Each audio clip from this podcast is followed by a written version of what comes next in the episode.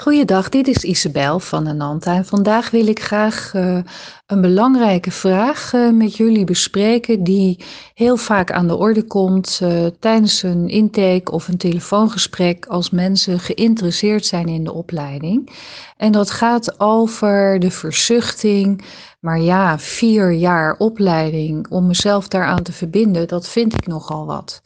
Nou, daarom wil ik jullie geruststellen, want je verbindt je uh, een jaar met Ananta en dan pas ga je bepalen of je ook een volgend jaar verder wilt. En daar krijg je ook een gesprek over en dan kijken we ook naar je omstandigheden.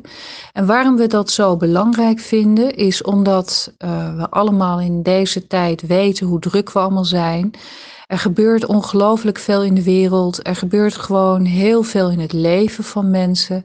En wij snappen ook natuurlijk heel goed dat er in een jaar zo ongelooflijk veel kan gebeuren.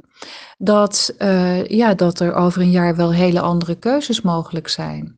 En het is gewoon belangrijk dat je dat jaar neemt om voor jezelf ook te bepalen van zit ik op de juiste opleiding en past het ook in mijn leven en omstandigheden kunnen veranderen. Je kunt zwanger raken, wat overigens geen probleem is hoor, als je zwanger werd eh, tijdens de opleiding. Daar hebben we allerlei leuke uh, oplossingen voor.